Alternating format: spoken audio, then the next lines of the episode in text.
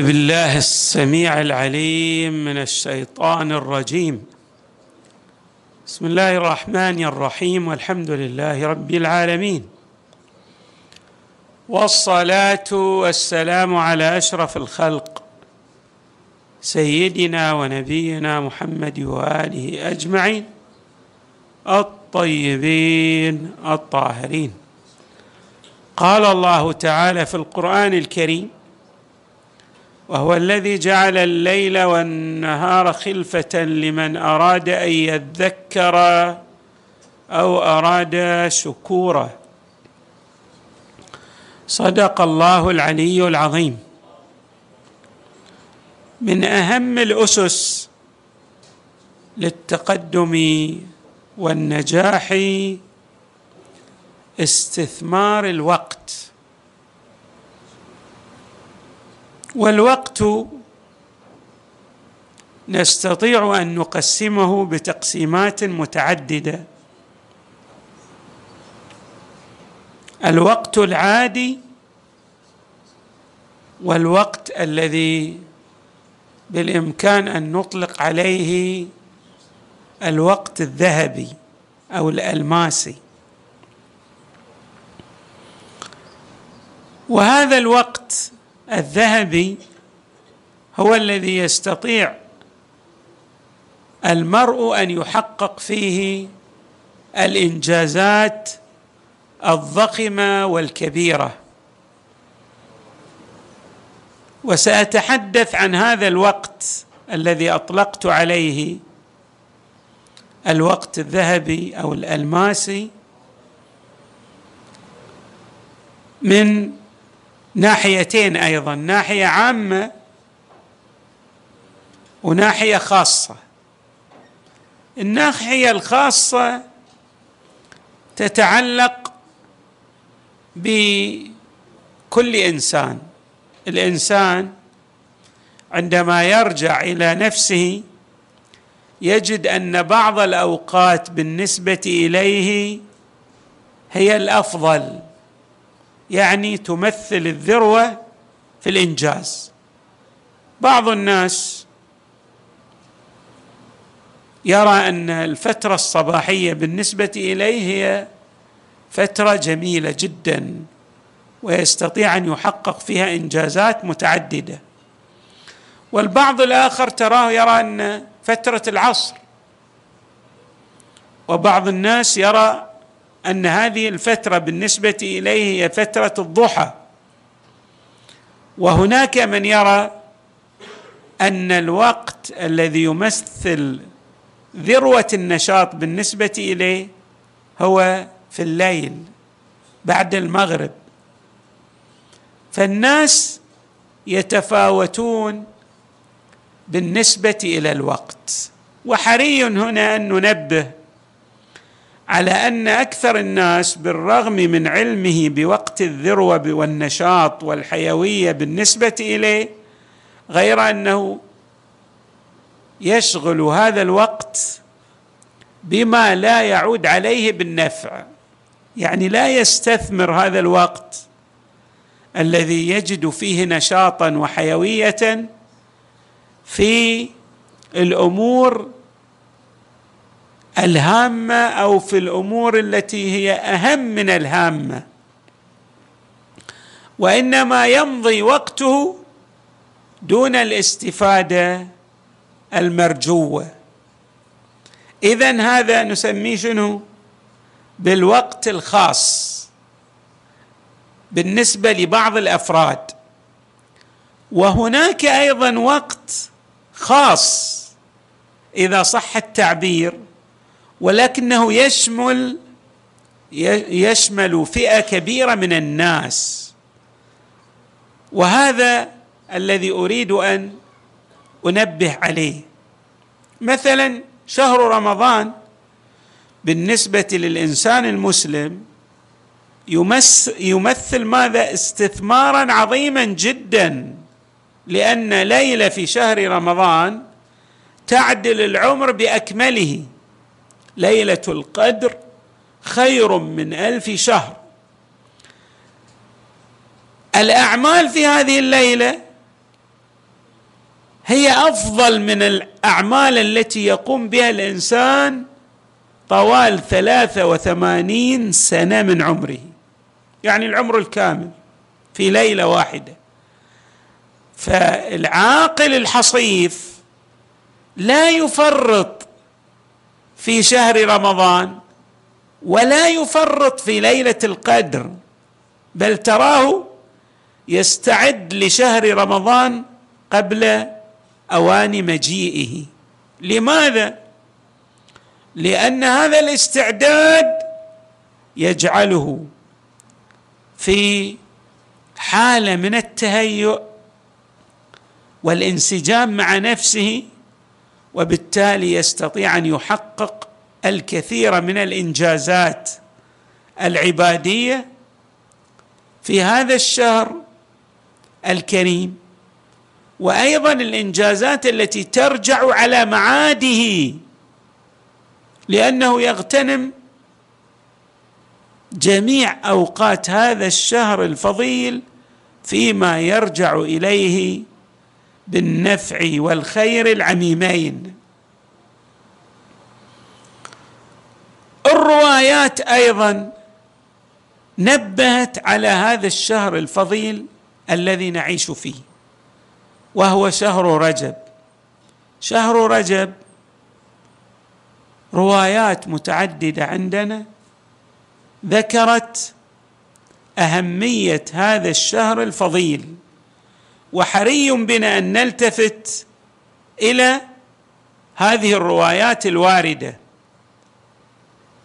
التي تبين عظمة هذا الشهر. طبعا الروايات الواردة أيضا في شهر رجب على قسمين. قسم من الروايات تبين فضيلة شهر رجب بشكل عام. والقسم الآخر من الروايات تبين الأعمال التي ينبغي أن يؤتى بها في هذا الشهر الفضيل لاستثمار الشهر.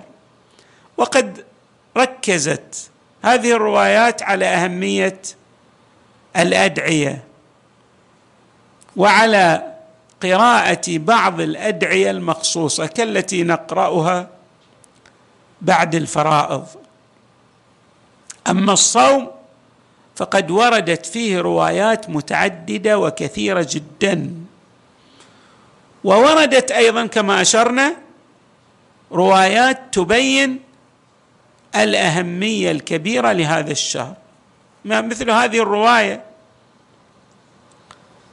التي يتحدث فيها إمامنا الصادق عليه السلام عن فضيلة هذا الشهر العظيم فيقول إذا كان يوم القيامة نادى مناد من بطنان العرش أين الرجبيون؟ فيقوم أناس تضيء وجوههم لأهل المحشر لأهل الجمع. على رؤوسهم تيجان الملك مكلله بالدر والياقوت.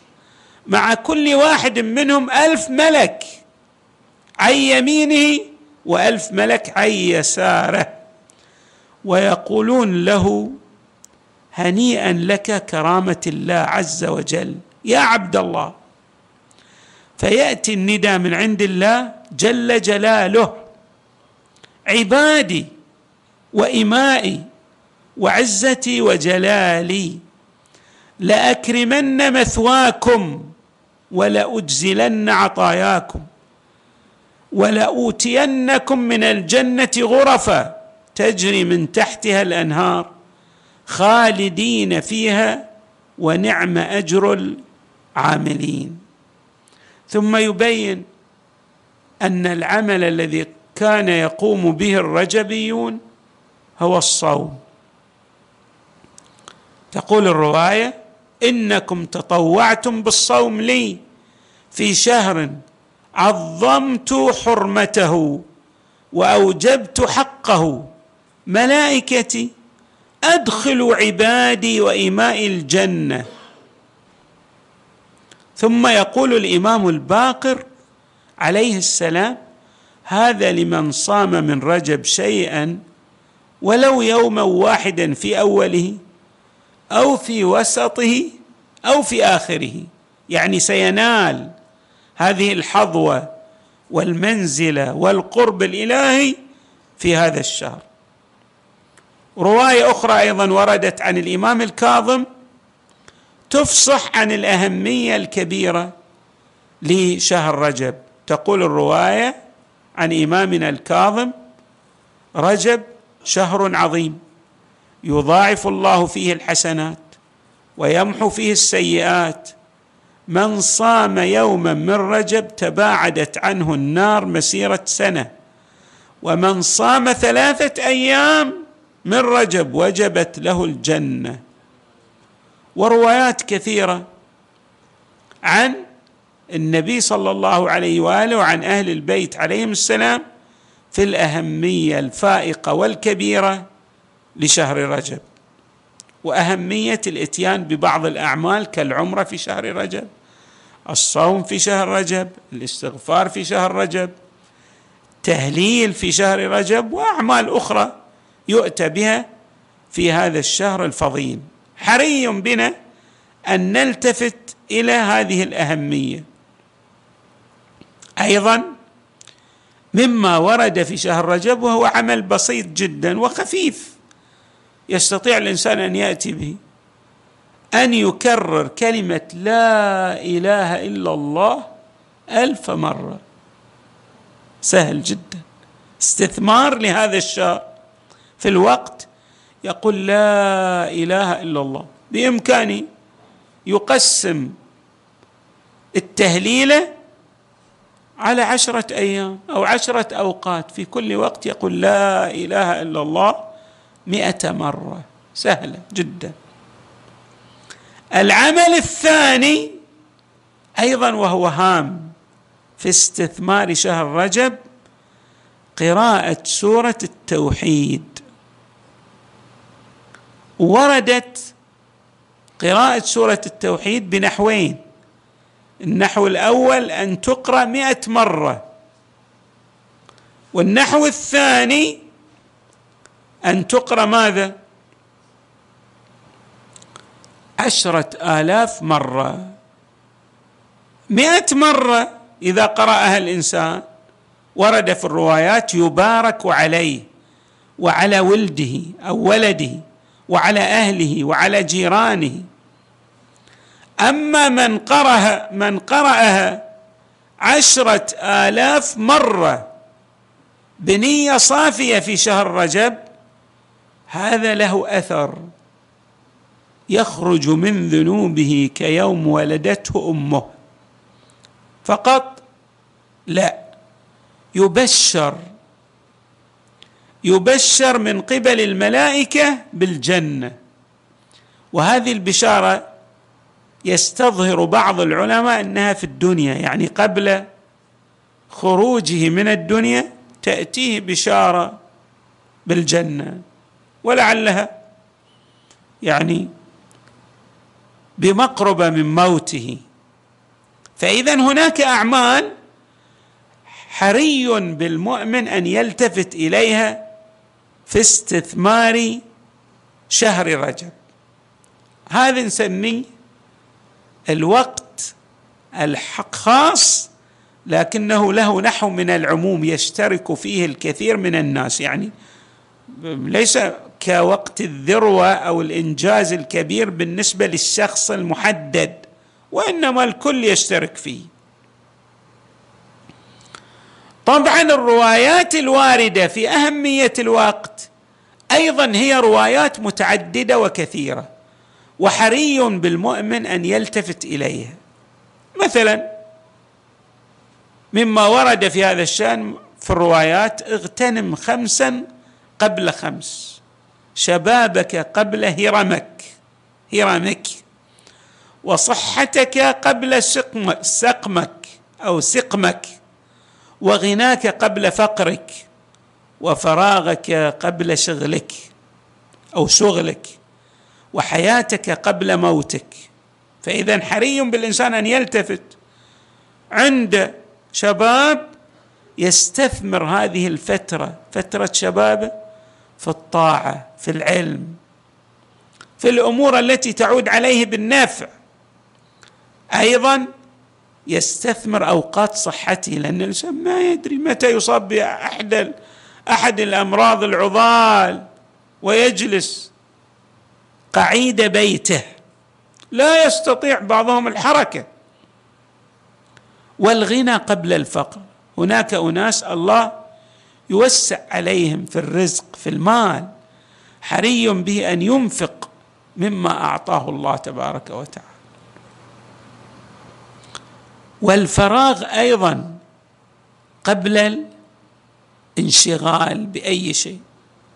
بعض الناس يصير عنده متسع من الوقت يستطيع أن يقوم بإنجازات ضخمة في هذا المتسع من الوقت ولكن مع الأسف يضيع هذا الوقت. وبالخصوص في زماننا هذا ترى مثلا يضيع الوقت في وسائل التواصل الاجتماعي. أو في الألعاب الإلكترونية.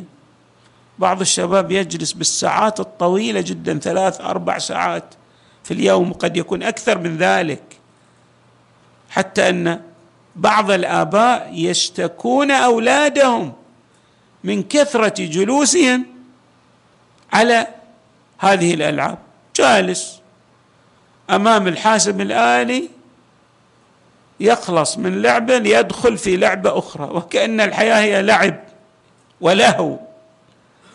وهو يعني لا يعلم بأنه يضيع أفضل فترة عمرية في حياته فبدلا أن يحقق إنجاز لشخصيته. يشتغل مثلا بحفظ القرآن الكريم بإتقان مهارة من المهارات بإتقان لغة من اللغات. قد يكون أيضا هذا الطالب عنده ضعف في الرياضيات في الفيزياء في الكيمياء في اللغة الإنجليزية. كان بإمكانه أن يقضي هذا الوقت في تقوية الجنبه العلميه لشخصيته ولكنه مع ذلك لا يستفيد من وقته. بمعنى لا يتقدم في حياته.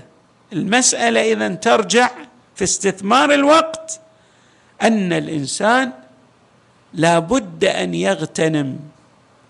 هذا العمر هذه الفترة التي هي أغلى من أي شيء يعطيه الحق تبارك وتعالى للإنسان. عندك أموال هذا الوقت أهم من المال لأن المال قد تحصل عليه لكن الوقت ما تحصل عليه. كلما مضى جزء من وقتك لن تستطيع أن تستعيض به بدلا. وقد أكدت أيضا الروايات على أمر غاية في الأهمية. ورد عن النبي لا تزول قدم عبد يوم القيامة حتى يسأل عن أربع عن عمره فيما أفناه وعن جسده فيما أبلى وعن علمه ماذا عمل فيه وعن ماله من أين اكتسبه وفيما أنفقه؟ إذا حري بنا أن نلتفت. إذا أردنا التألق والنجاح والتفوق في أي مجال من المجالات إلى الأهمية الفائقة لاستثمار الوقت بشكل عام. والوقت الخاص بالنسبة لنا كأفراد كما قلنا إن عند البعض وقت الذروة هو الصباح. والوقت الخاص الذي يمر في أزمنة مخصوصة كشهر رمضان أو شهر رجب أو شهر شعبان فلذلك أهمية فائقة في التقدم والنجاح والتفوق والتألق في أي مجال من المجالات. وبالخصوص في المجال الروحاني الروحي الذي سيبقى للإنسان. عندما يغادر هذه الحياة الدنيا إلى عوالم الغيب والآخرة. نسأل الله تعالى أن يوفقنا وإياكم للخير وأن يجعلنا من رفقاء محمد وآل محمد في الدنيا والآخرة. وصلى الله وسلم وزاد وبارك على سيدنا ونبينا محمد وآله أجمعين الطيبين الطاهرين.